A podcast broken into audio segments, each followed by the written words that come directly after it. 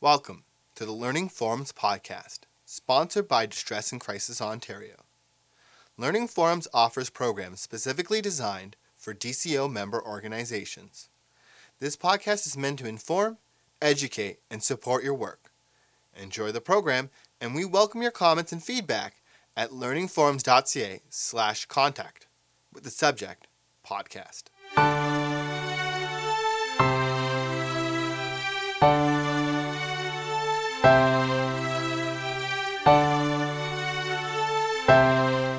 Thanks very much, Penny, for being here with us today and sharing with us the story of your son and also your feelings about um, the supports that are, are necessary or maybe are not even there in the community for uh, families who've experienced a suicide in their family.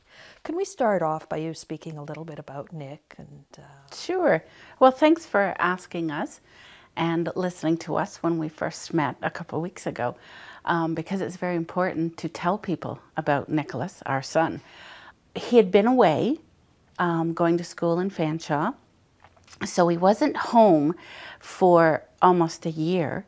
And then he came back home because he couldn't find a job and his teachers were striking. So it was at his age, being a boy and us having girls, it was like, good, he's going to school. Yes yes, going to relieve a little bit. He gets to be responsible, make his own decisions. He always called home and asked things and talked about it and shared things with his dad. And I would hear it second time around because he knew I didn't approve or he thought I wouldn't like it, one or the other. But he was so full of life. And yet he was so stubborn. He had such a strong will. Don't know where that came from. But he was pleasant, he was thoughtful, he loved people, and he loved life.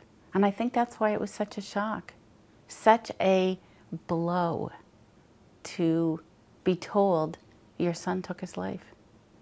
When I leaned on the freezer and the officer said, Your son took his life. And I said, No way.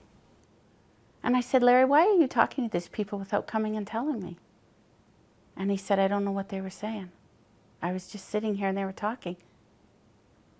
And I said, Have you called anybody? You have to call their sisters. You have to call his girlfriend. Well, what happened? And then a lot of things I can remember not being what you normally would be like. You don't have time for tears. You don't have time to say, oh my God. You don't have time to say, what do we do now? You have only time to make calls, notify the sisters. You have to tell the sisters. They have a distance to come. You have to tell his girlfriend. Um, he had just been home the day before. He had a headache, and his girlfriend and him broke up. And he was going to his sister's, um, Melanie's, to work on the farm. So we had been to a neighbor's house the night before. So we had, I started remembering what I last remembered of my son was coming home and knowing I had not left a note to say we were across the road and I could smell his aftershave. And I used to say to my son, You know I get headaches. What'd you do, marinate in that stuff? Could you please put it on when you're outside? And he would say, Get a life. And I'd say, I have a life. I have you. I have a life. So we could smell that aftershave, and you know what? It was okay. I remember us closing his bedroom door to keep it in mm-hmm. so we could smell it longer. So we had a lot of things we had to do. Nicholas struggled a lot with being a friend, being our friend, being our son, being 20 and making all his decisions and going to do it all different than what we did, and being the only boy in the family, naturally, and the baby.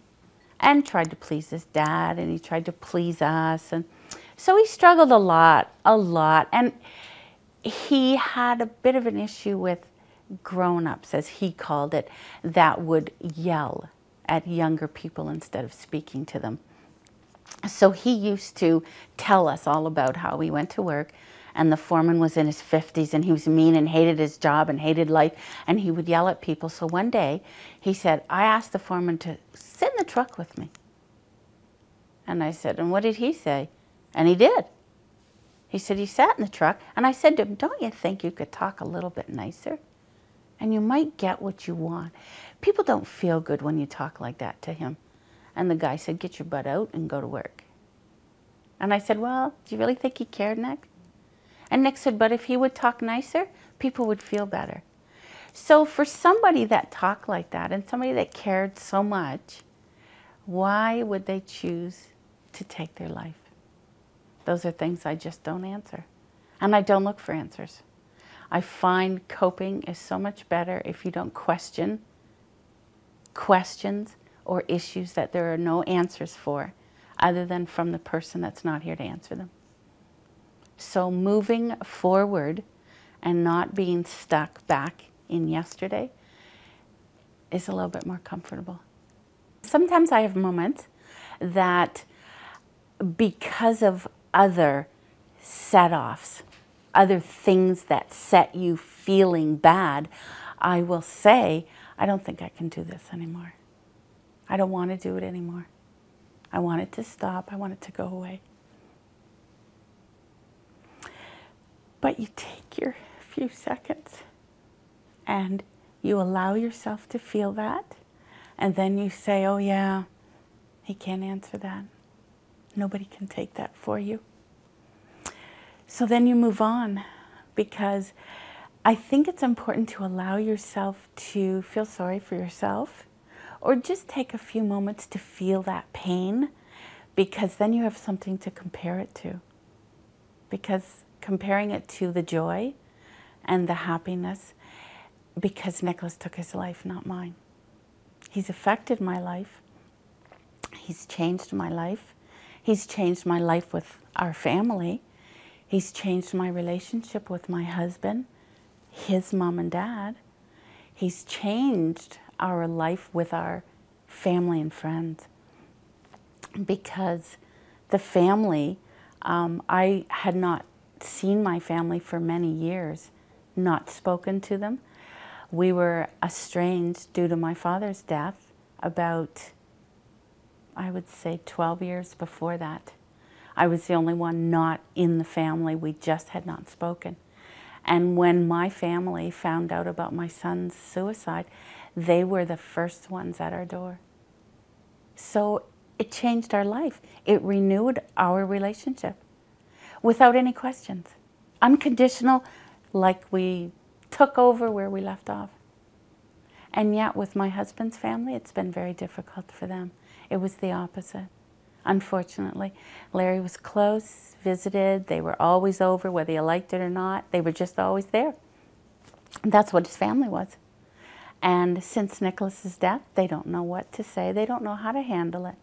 They don't know how to handle their relationship with their son. I don't know what it is. But unfortunately, um, it's gone that way with Larry's family. So, who's there is very important. And they suffer as much as we do, a little differently, but as much as we do. It's a loss for them too. So it's really, Nicholas has not only touched the living while he was with us, he's also touched many, many lives since he's left too. Wow, you have a very magnanimous and balanced view of things right now, from my perspective, as I listen to you. And I'm sure many people will listen to you and wonder how, how did she manage to get to that point? They would probably feel they couldn't think so magnanimously and generously about life and others at this point. Could you tell us a little bit about that journey? Well, it's very important to not feel you need to blame somebody because blame is dead end. And I'm afraid of a maze. I have never liked to be in a maze and find your way out. I would much prefer to predict my journey through a maze rather than have somebody else say, here's the maze, you're going to go through there and find your way out. I would prefer to design my own. And I don't like stumble blocks. I do have them because you need challenges to appreciate your journey peacefully and quietly. But um, blame causes blockage you cannot get by. And it's always important to get by or back up and move to another path. I don't like guilt because guilt is a, a sense of not wanting to move forward. Um, guilt is a way of finding a reason to feel sorry for yourself. That's my perspective because guilt, you just stay there and wallow and it gets stagnant. And that's not fun either. So I feel it's very important to just move forward. And if you need to take time to look at stagnant, then do it. But move on it. Just pass by it. Because again, it's something to compare and to remember. Because we didn't ask this to happen to us. We never once asked for tragedy. We never showed we didn't appreciate our life. We never thought for a moment we needed something different to go on. We were bored. Um, but then, is that what life is about? Do we have choices? People like to believe you do, but I think your choices are what you make once they've been dealt to you.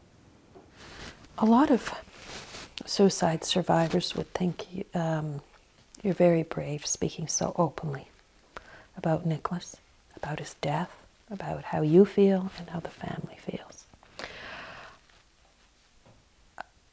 Um, there are individuals who are not at that place and don't seem to be able to get to that place. Did you find that there were community supports that helped you to get to this place? Or is this something that came from within you? Yes. Hmm. Community support. Wow. That's interesting, um, Liz, because community support services, I was unaware of anything out there. Community support, I have always been the supporter. I've always had a tough time letting people support me. So that was probably a very tough barrier for me to cross or to not have too solid there because I would have and probably still have trouble recognizing somebody that's a supporter and somebody that's feeling out am I really like this? Or is it the shield you put up to protect yourself from the real you. Um, I have had a couple experiences um, where somebody has felt differently on a talk show, a radio talk show. Um, I said that I respect my son very much. I am not angry with my son, nor do I hate my son, because I couldn't. I didn't any of those when he was alive and gave us challenges. So I, I couldn't do it while he's gone because it's not fair. It would be one sided. So I had a lady call in that her son, a very prominent person in the community of London, took his life and um, she somehow feels different and guilt and said very strongly she felt sorry for me because um, she's angry that her son took the easy way out by taking his life and he should have dealt with it. And it was interesting to hear the harshness in her voice. I just wanted to hug her. I felt she needed somebody to say, You don't have to be tough and strong and angry to get through it. It's okay. It's okay to feel weak and sorry for yourself and feel like somebody just dumped a load of crap on you because all you got to do is dig yourself out, shower, and it's gone. It's not that bad. They didn't do it to us on purpose. I don't believe anybody, including my son, would take his life to get back at anybody because think about it, they can't turn around and look behind and laugh. They can only go forward. Once they've taken their life, I truly believe that they are peaceful and have no reason to look back. That's the way I see it because we can't look back. We have no way of determining that what was out there for support. How do you accept support? It's very difficult. I was always very private and never wanted my own kids to see me cry. It was important while they were being I was raising them, I had to cry alone. I could never let them see me cry. This was so hard for me because it was uncontrollable. I had to cry. Yeah. I had to show them the pain that does come and the uncontrollable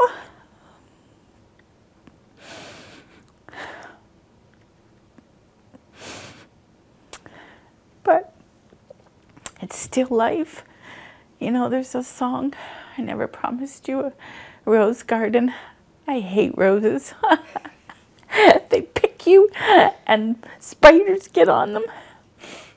But I love my kids. And I loved my life. And I thought, I thought my son should have loved his life too. But I think he loved his life right up to the moment he took his life because it really wasn't him that chose to take his life. I believe he was probably in much more pain than we're aware of. And it, um, I think that pain, pain probably goes to a level that we're not aware of, and a, a, a mechanism within us takes over and says, I have to do something about the pain. I wonder if I might take you back just a little bit to, um, maybe a very hard time for you. You spoke about work and you told about the grief that, that work gave you.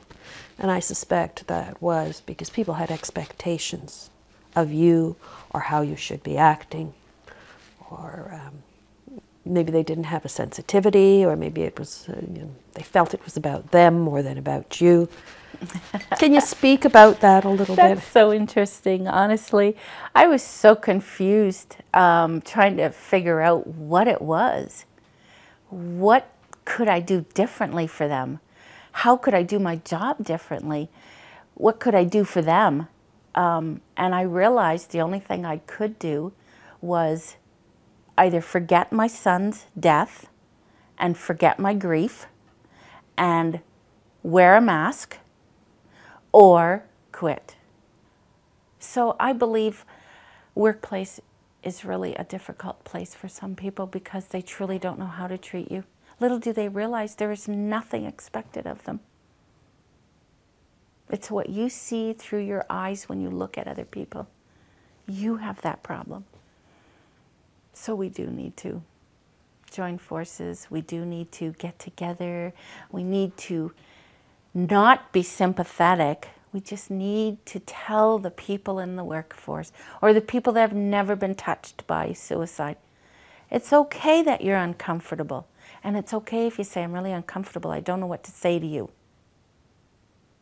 And they may not even respond. And they may say, Thank you, it's okay. I don't know what to say to you either.